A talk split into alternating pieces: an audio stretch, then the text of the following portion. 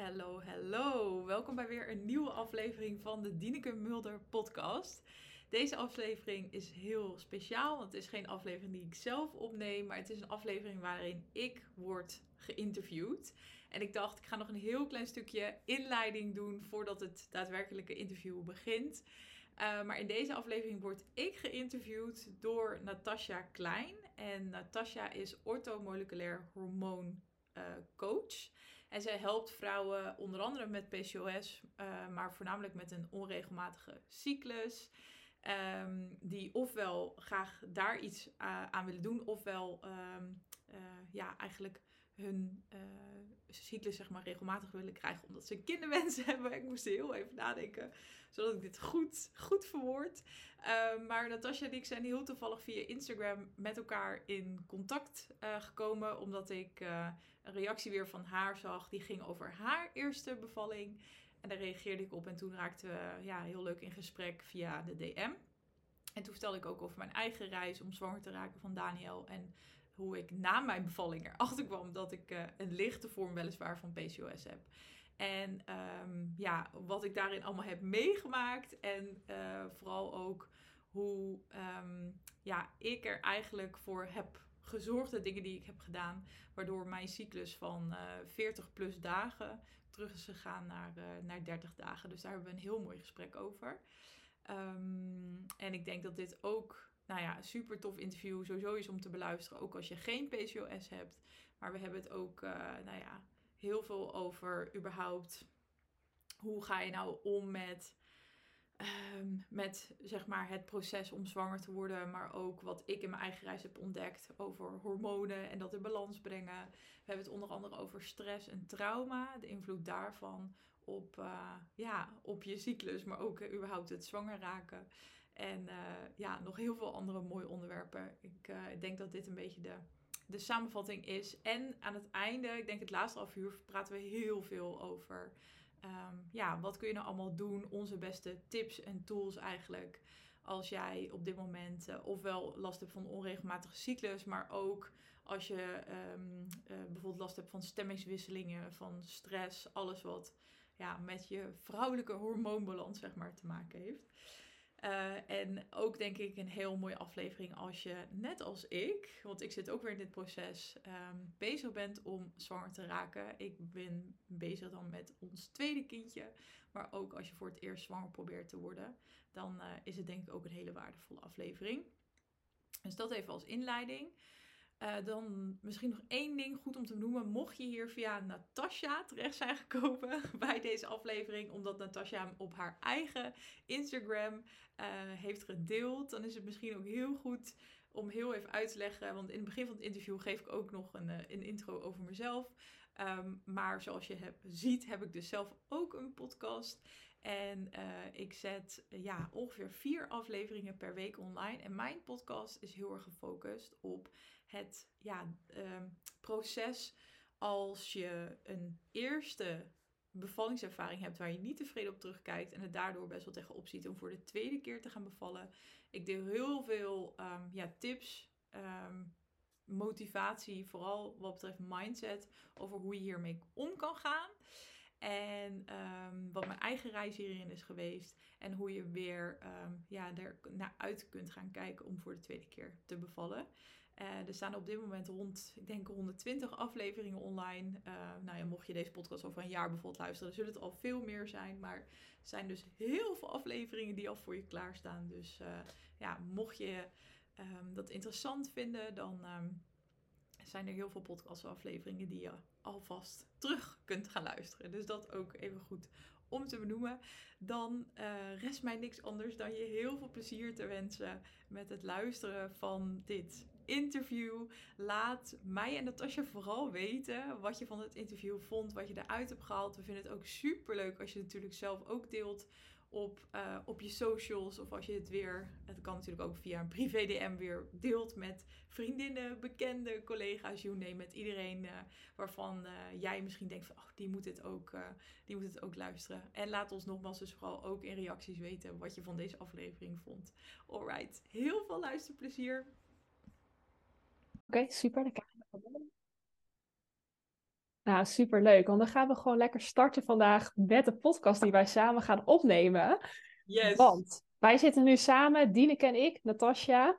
En ja, we gaan het vandaag hebben. Ik ben echt ontzettend blij allereerst trouwens dat, je, dat we samen een podcast gaan opnemen. Want we hadden een heel erg leuk gesprek via Instagram. Waarin jij vertelde over PCOS en dat jij graag je verhaal daarover wil delen. Ja, super waardevol natuurlijk ook voor de andere luisteraars. Om niet alleen maar mijn verhaal te horen, maar ook andere verhalen. Um, en we waren net al even een tijdje aan het voorkletsen. We waren eigenlijk te vroeg begonnen. En nu zeggen we ook, hey, het, is, het is alsnog half twee. Gaan we alsnog deze tijd beginnen. Ja, we dus we hebben veel te bespreken. We hadden heel veel te bespreken. Veel leuke dingen. Dus laten we ook gewoon lekker gaan beginnen. Um, en voordat ik allemaal dingen ga vertellen, misschien is het gewoon leuk, Dienek, om even wat over jezelf te vertellen. En ik zei ook al net, ik denk leuk om een tijdlijn ook af te lopen van, hey, sinds wanneer weet jij dat je PCOS hebt en waar is nou eigenlijk jouw verhaal begonnen? Ja, precies. Wil je dat ik ook nog heel kort iets over mezelf? Uh... Ja, hartstikke leuk. Oké, ik ben dus Dieneke. uh, ik ben 33. Ik woon in Haarlem met mijn vriend Patrick en mijn zoon, onze zoon Daniel. Die is inmiddels 3,5. Hij is geboren op 1 november 2019. En sinds anderhalf jaar uh, heb ik twee eigen bedrijven. Dus anderhalf jaar geleden, daar zal ik ook waarschijnlijk later in deze podcast wat meer over vertellen. Maar anderhalf jaar geleden heb ik uh, uh, ja, eigenlijk van de een op de andere dag mijn baan opgezegd. baan in loondienst. Ik werkte bij een groot commercieel bedrijf in Amsterdam. Baan opgezegd eigenlijk om mijn droom achterna te gaan. namelijk het helpen van vrouwen die um, ja, niet heel tevreden terugkijken op hun eerste bevallingservaring en er daardoor tegenop zien om voor de tweede keer te gaan bevallen. En ik focus me dan heel erg op het stukje mindset. Dus welke inzichten kun je uit die ervaring halen, die je weer gaan helpen, zeg maar, om gewoon met meer vertrouwen die tweede bevalling in te gaan. Of misschien zelfs wel het proces ik heb ook een tijdje echt gedacht, daar hadden wij net ook over, van nou, ik wil gewoon helemaal geen kinderen meer. Naar aanleiding van mijn eerste bevallingservaring. En uh, nou ja, daar deel ik heel veel over. Ik heb ook dus een eigen podcast en deel heel veel op Instagram. Dus, uh, dus dat is kort iets over mezelf. Ja, superleuk. Superleuk dat je dat ook nog even erbij vertelt, inderdaad. Ik zat alweer helemaal te denken aan mijn eigen intro. Maar dit is zo fijn om ook even te weten voor de mensen van... hey, wie is Dieneke? Um, en ik, ik, vind het zo mooi, want ik heb ook een aantal podcasts van jou teruggeluisterd... om dat jij de vrouwen daarin in die zin, en inclusief mijzelf, maar dat, is voor een andere podcast, ja. um, jou een hele andere kijk kan gaan geven op hoe je terugkijkt op jouw eventueel slechte bevallingsverhaal. Ja. Ehm, en welke inzichten jij daar ook in deelt. Dus dat is wel heel erg mooi. Uh, dus in die zin voor de luisteraars in eerste instantie, ja, we gaan het niet zozeer hebben dus over bevallen, maar echt het stukje ook over, uh, over PCOS en hoe dat bij jou is gegaan. Um, want wanneer ben jij er überhaupt achter gekomen? Nou, dat is wel grappig, want bij mij is het zo dat ik er pas achter kwam toen ik al uh, bevallen was. Dus na mijn bevalling en nadat ik dus zwanger ben geworden. Oh. Uh, maar ik wist al eerder, mijn tijdlijn begint al eerder, want ik wist al wel eerder dat er iets niet helemaal klopte.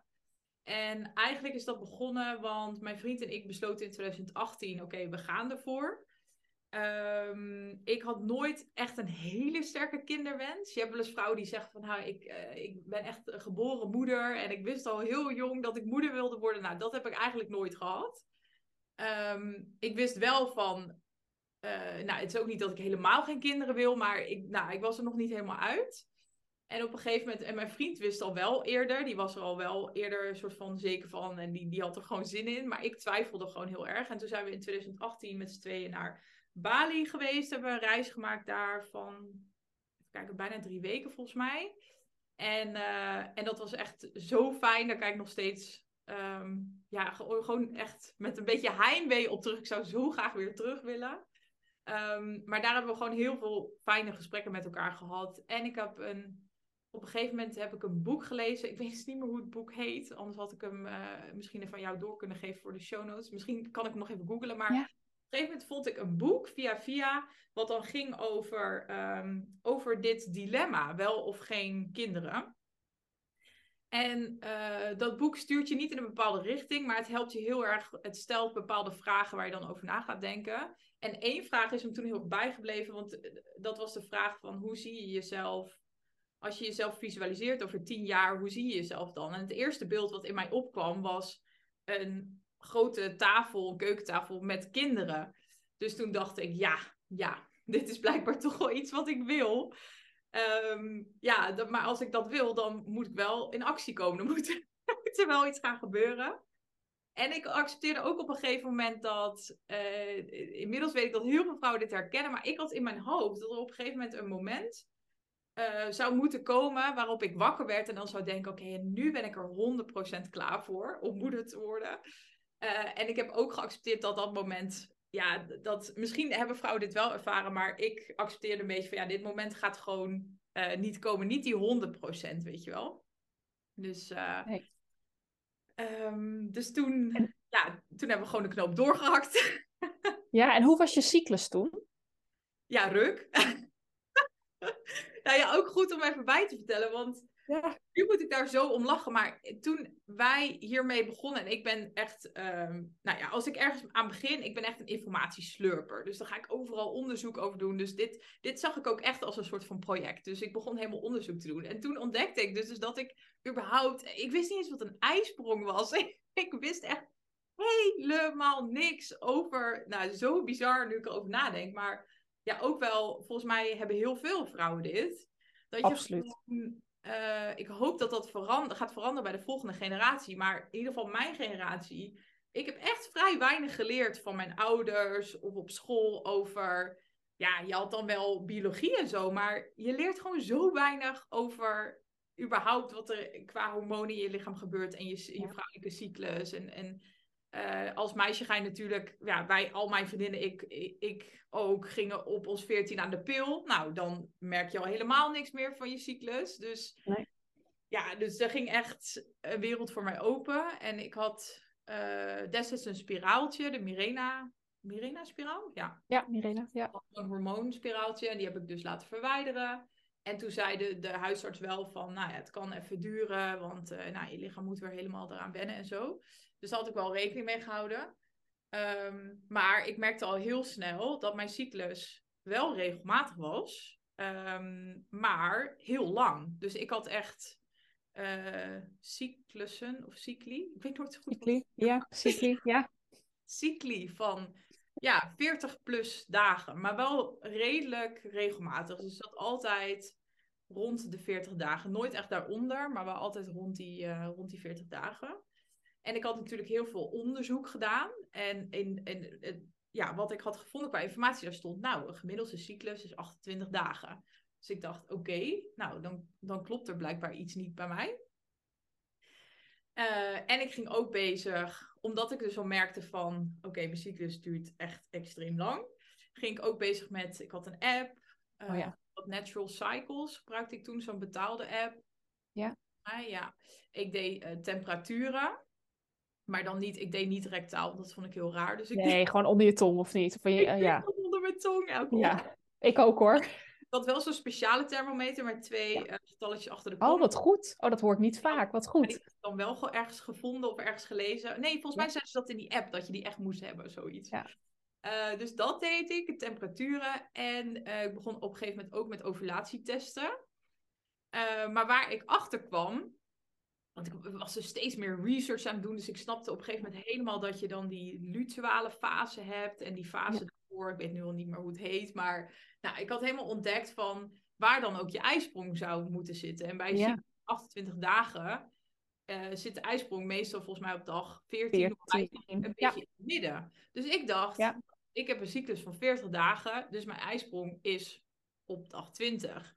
Ja. Ik heb echt een paar maanden paar cycli erover gedaan om erachter te komen. En ik dacht de hele tijd, nou, die ovulatietesten die kloppen niet. En die, die streepjes werden maar niet donkerder. En ik snapte er gewoon helemaal niks van.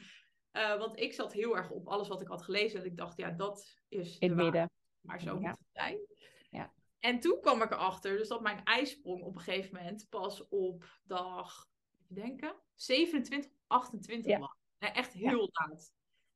Uh, dus dat die fase daarna, dus ook bij mij dus, niet alleen mijn cyclus was lang, maar ook die laatste fase is dus heel kort. En die fase heb je volgens mij nodig. Die is heel belangrijk voor het innestelen. En dat dat eitje, ja, volgens mij... Ja. Ja, het liefst heb je die inderdaad dat die rond de 14 dagen is. Dus dit klopt ja. uh, wel dat hij aan het einde is. Gelukkig. Uh, want als je, ik zeg wel vaak, als je weet wanneer je ovuleert, weet je wanneer je menstrueert. Dus als je daar ongeveer die 14 dagen bij optelt, kom je op die 40 plus van jou. Dus dat klopt wel. Ja, ja, het klopt wel. Alleen bij mij was hij nog korter. Dus bij mij was hij tussen de 10 en 11 dagen. Ja, laag pro. Ja, oké. Ja, Dus, uh, dus toen dacht ik al een beetje van ja, de, de hormoonverhoudingen die kloppen bij mij dus niet helemaal. Nee. Um, dus dat is inderdaad lage progesteron, toch? Vaak een teken van lage progesteron, inderdaad. Ja, ja precies. En toen waren we inmiddels een paar maanden bezig. Um, dus dat is ook wel grappig. Ik zat er, ik heb eigenlijk die hele fase van dat vrouwen het eerst een jaar proberen en dan ja, nog niet echt met testen en zo beginnen, dat heb ik helemaal overgeslagen. Omdat ik dus al heel snel merkte van oké, er, er is iets niet helemaal goed met mijn cyclus. En ik wilde dat gelijk managen, als het ware. Ja. gelijk, ik zag dat als een probleem en ik wilde dat probleem oplossen. Nou, daar kan je ook wel iets voor zeggen, maar nou, dat is gewoon hoe ik er destijds mee omging. En toen, um, nou, toen ging ik op zoek naar meer informatie en toen vond ik een boek van uh, Rika. Ja, Rika Luca. Ja, denk ik. Ja. Haar achternaam uitspreekt. Lu, Lu, Lu... Luca, Luca, ja, zoiets. Ja. ja, ja zij is. Ja. ja, dat boek heet Innesteling. Mm En zij adviseert dus heel erg vanuit um, nou, voeding, supplementen, dingen die je dan niet mag eten. En ze geeft ook yoga-oefeningen in dat boek. Nou, die heb ik dan niet gedaan, want toen was ik helemaal niet uh, into yoga en dingen en zo. Ik, ik zag echt, mijn focus was voornamelijk op ik moet mijn voeding aanpassen. Er moet iets veranderen zeg maar, in mijn voeding. En uh, dat heb ik toen gedaan, dus gestopt. Echt rigoureus. Van de een op het andere moment gestopt met alcohol, uh, tarwe, suiker, zuivel. Zo. ik ben dus ook echt. Maar dit is ook typisch mij. Dus ik pakte het echt aan. Ja. Een soort van militaire operatie. Ik ging all in. ja, echt. Alles doen wat in dat boek stond. Ik heb letterlijk gewoon want dat boek is. Um, zij, uh, de, ze deelt heel veel informatie, maar het is niet zo dat ze echt een goede lijst geeft of zo met alle supplementen die je dan het beste kan delen. Uh, zij omschrijft gewoon een soort van alle supplementen die er zijn, die eventueel van invloed kunnen zijn op je vruchtbaarheid. Dus wat ik, ik voel hem al aankomen. ik heb dus letterlijk geen grap, maar ik heb gewoon echt een lijstje gemaakt met alles wat zij noemde. En dat vervolgens voor mezelf gekocht. En dat ook allemaal genomen. En, en ben je dat toch gelijktijdig gaan doen met de voedingsaanpassing? Of was je al eerder met je voeding begonnen? Nee, ik heb echt in één keer alles, tegelijk gedaan. Maar dat is, ook, dat is ook wel typisch mij, zeg maar, hoe ik het aanpak. Ja. Dus in één keer alles, maar ook me niet laten adviseren. En, want later ben ik pas dus naar een orthomoleculair therapeut gegaan. Maar dit heb ik allemaal zelf bedacht. En vanuit Maar het grappige is dus wel Um, want die voeding was voor mij ook redelijk makkelijk vol te houden. Want ik werkte toen uh, nog dus bij een heel groot bedrijf in Amsterdam. Die echt, nou ja, qua lunch, ze hadden echt een uh, fantastisch buffet elke dag. Uh, met warm eten, met een hele saladebar. Ja. Dus het was voor mij heel makkelijk om dus geen brood te eten. Want ik, ik bouwde gewoon mijn salades. En dan was er iets van vegetarisch of vlees of zo bij. En dat was dan mijn eiwit. Dus dat was vrij, vrij makkelijk. En dan, nou ja, al die hele sloot supplementen erbij slikken. Had je ook een pillendoosje? Of, uh... Ja, nee, echt. Ja. Een pillendoosje. Ik voelde me echt een hartpatiënt, maar dan met gewoon... Ja. Was best wel grappig. Um, maar ik denk dus wel dat het heeft geholpen, want dat was de maand dat ik zwanger raakte. Dus uiteindelijk ben ik na zeven maanden, dus echt niet heel lang heeft het geduurd, ben ik dus wel zwanger geraakt. Ja, en je wist dus nog niet dat je PCOS had op dat moment. Nee, nee, want ik heb ook, ik heb alles een soort van alle stappen zelf ondernomen. Ik ben niet naar de huisarts gegaan, niet naar het ziekenhuis. Ik heb toen dus nog geen orthomoleculair therapeut zo ingeschakeld. Dus, uh, dus ja, toen, toen is het weer naar de achtergrond verdwenen, want ik was zwanger en dat was mijn doel. En, ja. uh, en daar was ik heel blij mee. Ja. En wat was op dat moment voor, voor, die, e, voor dat eerste stuk, even losstaand van dat je wist dat je de PCOS had, wat was op dat moment voor jou het meest waardevolle inzicht? Want um, je lichaam gaf het een goed signaal dat je zwanger uh, bent geworden natuurlijk. Maar wat, voor, wat merkte je nog meer? Um, nou, mijn cyclus die was hetzelfde. Dus het is oh, niet zo dat op dat moment... Ja, inderdaad, dat heb ik nog niet verteld. Maar het was niet dat door die voeding dat mijn cyclus opeens naar 28 nee. dagen ging. Mijn nee. cyclus was hetzelfde. Ja. Um, maar überhaupt dat stukje voeding, dat was ja. voor mij echt al um, mindblowing. daar had ik me eigenlijk nooit eerder in verdiept. Ik ben wel iemand. eh, ik heb niet een hele goede relatie met voeding, moet ik zeggen. Eh, ik ben altijd al ontevreden geweest over mijn gewicht, zeg maar mijn hele leven lang. Dus ik jojo heel erg qua gewicht. Ik eh, doe heel veel diëten altijd, altijd gedaan. nu is daar de afgelopen jaren wat meer rust in gekomen hoor. Maar ja, altijd diëten gedaan. Dus ik zag voeding altijd een beetje als een soort van noodzakelijk kwaad of zo. En een beetje een haat-liefde verhouding. En ik wist gewoon helemaal nooit dat eh, voeding, de, de, überhaupt de relatie tussen voeding en je hormonen, die, Ja. daar wist ik helemaal niks van af. Dus dat was voor mij al. Ik dacht altijd, als je moeite hebt met zwanger worden, dan ga je naar het ziekenhuis en dan wordt het opgelost. Weet je wel? Zo. Denk ik. Precies, ja. ja. Ik dat. En ehm, ja, toen ik me dus via dat boek daarin ging verdiepen, toen ging er echt een wereld voor me open. En toen dacht ik van, eh, want ik heb dan aan de andere kant, ik ben iemand die echt niet snel naar de huisarts gaat. Ehm, ik denk altijd, ah joh, dat komt wel goed. Zeg maar, voor mij is daarvoor ook al, voor mij zou naar het ziekenhuis en de huisarts gaan echt de alle, alle, alle, alle, allerlaatste stap zijn, zeg maar. Dus ik, ik ben van nature al iemand die eerst zelf op zoek gaat naar oplossingen. Dus ja, ik vond dat wel heel interessant dat ik dat door dat boek had ontdekt, zeg maar, überhaupt. Ja. Maar ik zat toen nog heel erg op dat stukje voeding, zeg maar. Voeding is Ja. de sleutel en ik had helemaal ontdekt van dus dat er relatie is tussen voeding en hormonen en je vruchtbaarheid, zeg maar. Ja, want merkte jij dus nog andere dingen aan, aan jouw hormonen, aan je mentale gestel? Eh, kon je ineens bijvoorbeeld zonder tussendoortjes? Viel je af? Kwam je aan? Werd je, had je meer energie? Wat merkte je verder toen nog? Kan je dat nog herinneren? Of? Ja, ik, ik begon toen al, ik begon al af te vallen, want ik had ook ehm, eh, een stuk minder koolhydraten en minder zuivel en eh, vrijwel geen suiker. Ik was ook gestopt met suiker eten, dus dat hard. ik. En überhaupt ook wel dat ik minder mood swings had, eh, dus dat ik wat meer stabiel was en ook gewoon energieker. Dat merkte ik ook. Ja, dus je had best al wel, toen al best wel veel signalen van je lichaam. Van hé, hey, wat je doet, dat doe je goed. Ja, en toen je zwangerschap, hoe was dat? Eh, ja, dat was fantastisch. Ik had echt een hele goede zwangerschap. En ik ging ook heel, ik ging heel lekker op de hormonen van het zwanger zijn.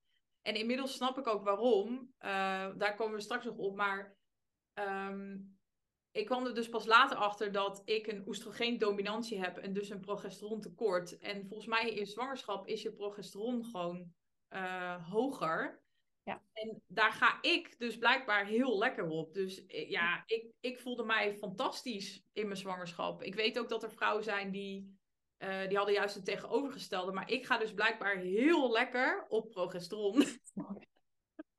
dus ja, lekker, lekker hormoon. zwangerschap was echt... ehm, ja, het, het zwanger zijn, dat zou ik echt nog wel tien keer willen doen. Dat, eh, dat, vond ik echt, eh, dat vond ik echt heel fijn. En ik voelde me heel goed. Dus, Ja. ja, en ook wel mede waarschijnlijk dankzij dat je je hormonen meer in balans hebt Ja. gebracht al voordat je zwanger werd. Want dat is natuurlijk ook een enorme win. ja, ja, ja.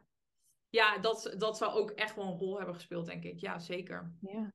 En, en mm, ik ben nu ook even heel nieuwsgierig. En toen, want je wist dus nog steeds niet dat je PCOS had. Hebt. Ja, dat klopt. Ja, toen ben ik, eh, toen ben ik bevallen en mijn bevalling eh, was voor mij heel traumatisch. Ehm, en eh, uiteindelijk heeft dat zoveel impact gehad dat ik er zelfs PTSS aan overhield. Dus dat betekent, ja, de, de vertaling is Post-Traumatic Stress Syndrome, volgens mij. Dus mijn hele zenuwstelsel was gewoon extreem eh, ontregeld. En mijn, eh, ja, mijn stress, mijn adrenaline was gewoon echt heel hoog. Ja. Eh, dus ik heb gewoon best wel lang moeten herstellen. Zowel lichamelijk als, nou, het psychische stuk was zeg maar nog groter daarvan. Ja. Ja. En toen op een gegeven moment, waarom was dit nou? Want het heeft echt lang geduurd voordat wij, eh, vooral ik, zei van oké, nu wil ik wel voor een tweede gaan. Want in eerste instantie zei ik gewoon, ik wil nooit meer bevallen. Dat is een ja. heel proces geweest. Ja. Ehm, en ik gaf borstvoeding en daar ben ik met negen maanden mee gestopt. En net daarvoor kwam mijn cyclus weer terug. En toen merkte ik vrijwel direct, ik dacht eigenlijk, ik had een soort van aanname gedaan. Oké, ik ben nu bevallen, dus mijn lichaam heeft een soort van reset gehad. Ja. Nu, ik weet niet waarom, maar ik had heel erg in mijn hoofd van, weet gewoon zeker dat mijn cyclus nu helemaal gereset is en dat ik opeens 28 dagen heb. Ja. Dat was niet zo. Dus Want hij, hij was, hoe was hij dan? hij kwam gewoon weer hetzelfde terug. Dus weer Ja. 40 dagen. Rond de 40 dagen. Dus ik dacht echt, oh shit, weet je wel, dan gaan we weer. En niet zozeer omdat ik direct een kinderwens had, maar wel omdat ik op een gegeven moment begreep van ja, dat, die lange cyclus, dat is natuurlijk een soort van signaal van mijn lichaam dat er gewoon ergens iets niet helemaal lekker gaat en dat er hormonen uit balans zijn. Ja. Eh, dus toen was de motivatie niet zozeer van we willen heel graag een tweede, want dat kwam pas veel later. Eh, maar meer van ja, hier, ehm, hier, hier wil ik iets, hier moet iets mee gebeuren. Ja. En toen zijn er twee, ehm, twee dingen gebeurd, maar ik weet even niet meer in welke volgorde. Nee, volgens mij kwam dit eerst. Toen heb ik, volgens mij kwam dit eerst. Ik heb eerst een consult aangevraagd bij een orthomode- orthomoleculair therapeut. En Ja, ook iemand die echt gespecialiseerd was in, in vrouwelijke hormonen, zeg maar. Wat precies. Ja. bent. En, ehm, en toen, heb ik, toen ben ik bij haar begonnen met een hele vragenlijst, maar ook met de, de EMB ehm Ja. bloedtest. Ja.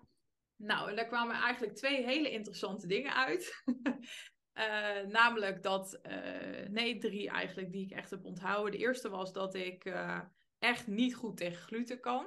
Nou weet ik dat heel veel mensen volgens mij niet goed tegen gluten kunnen, maar bij mij was die, sloeg die echt heel hoog uit, zeg maar. Ja. Ja. En daarnaast kwam er dus een hele hoge oestrogeendominantie uit. En dat wist ik dus daarvoor nog niet. Maar toen begon er Ja. wel wat puzzelstukjes op zijn plek te vallen. Want toen snapte ik van, ah, dus als mijn oestrogeen dominant is, wat dan in het begin van je cyclus vooral dominant is, maar, of Ja.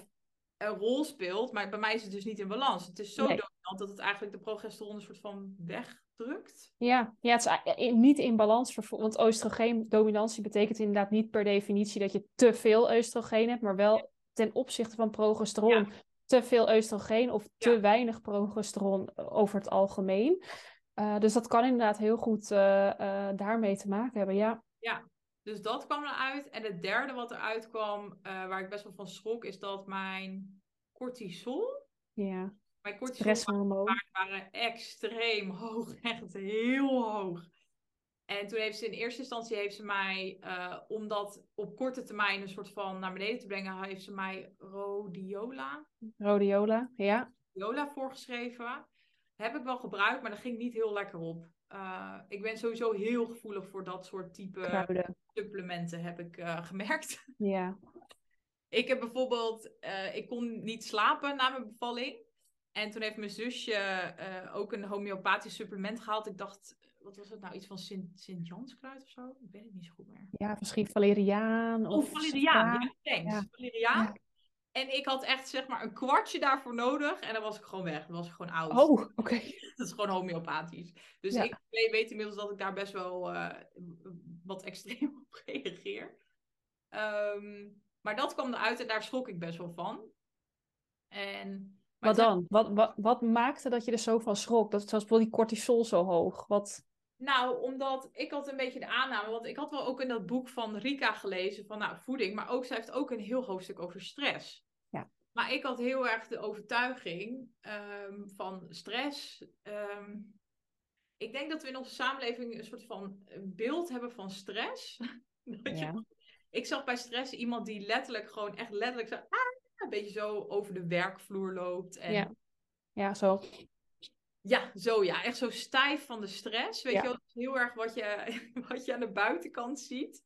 Ja. En ik denk dat er ook best wel een, een soort van, ehm, wat is het woord ook weer daar? Eh, eh, Er, zit, ligt ook een lading op stress. Ja, het is beladen. het is ja. heel beladen, want Ja. ja. ik wilde niet over mijzelf zeggen, ik ben gestrest. En vooral niet op werk, want Nee. ik wilde juist overkomen als iemand die gewoon...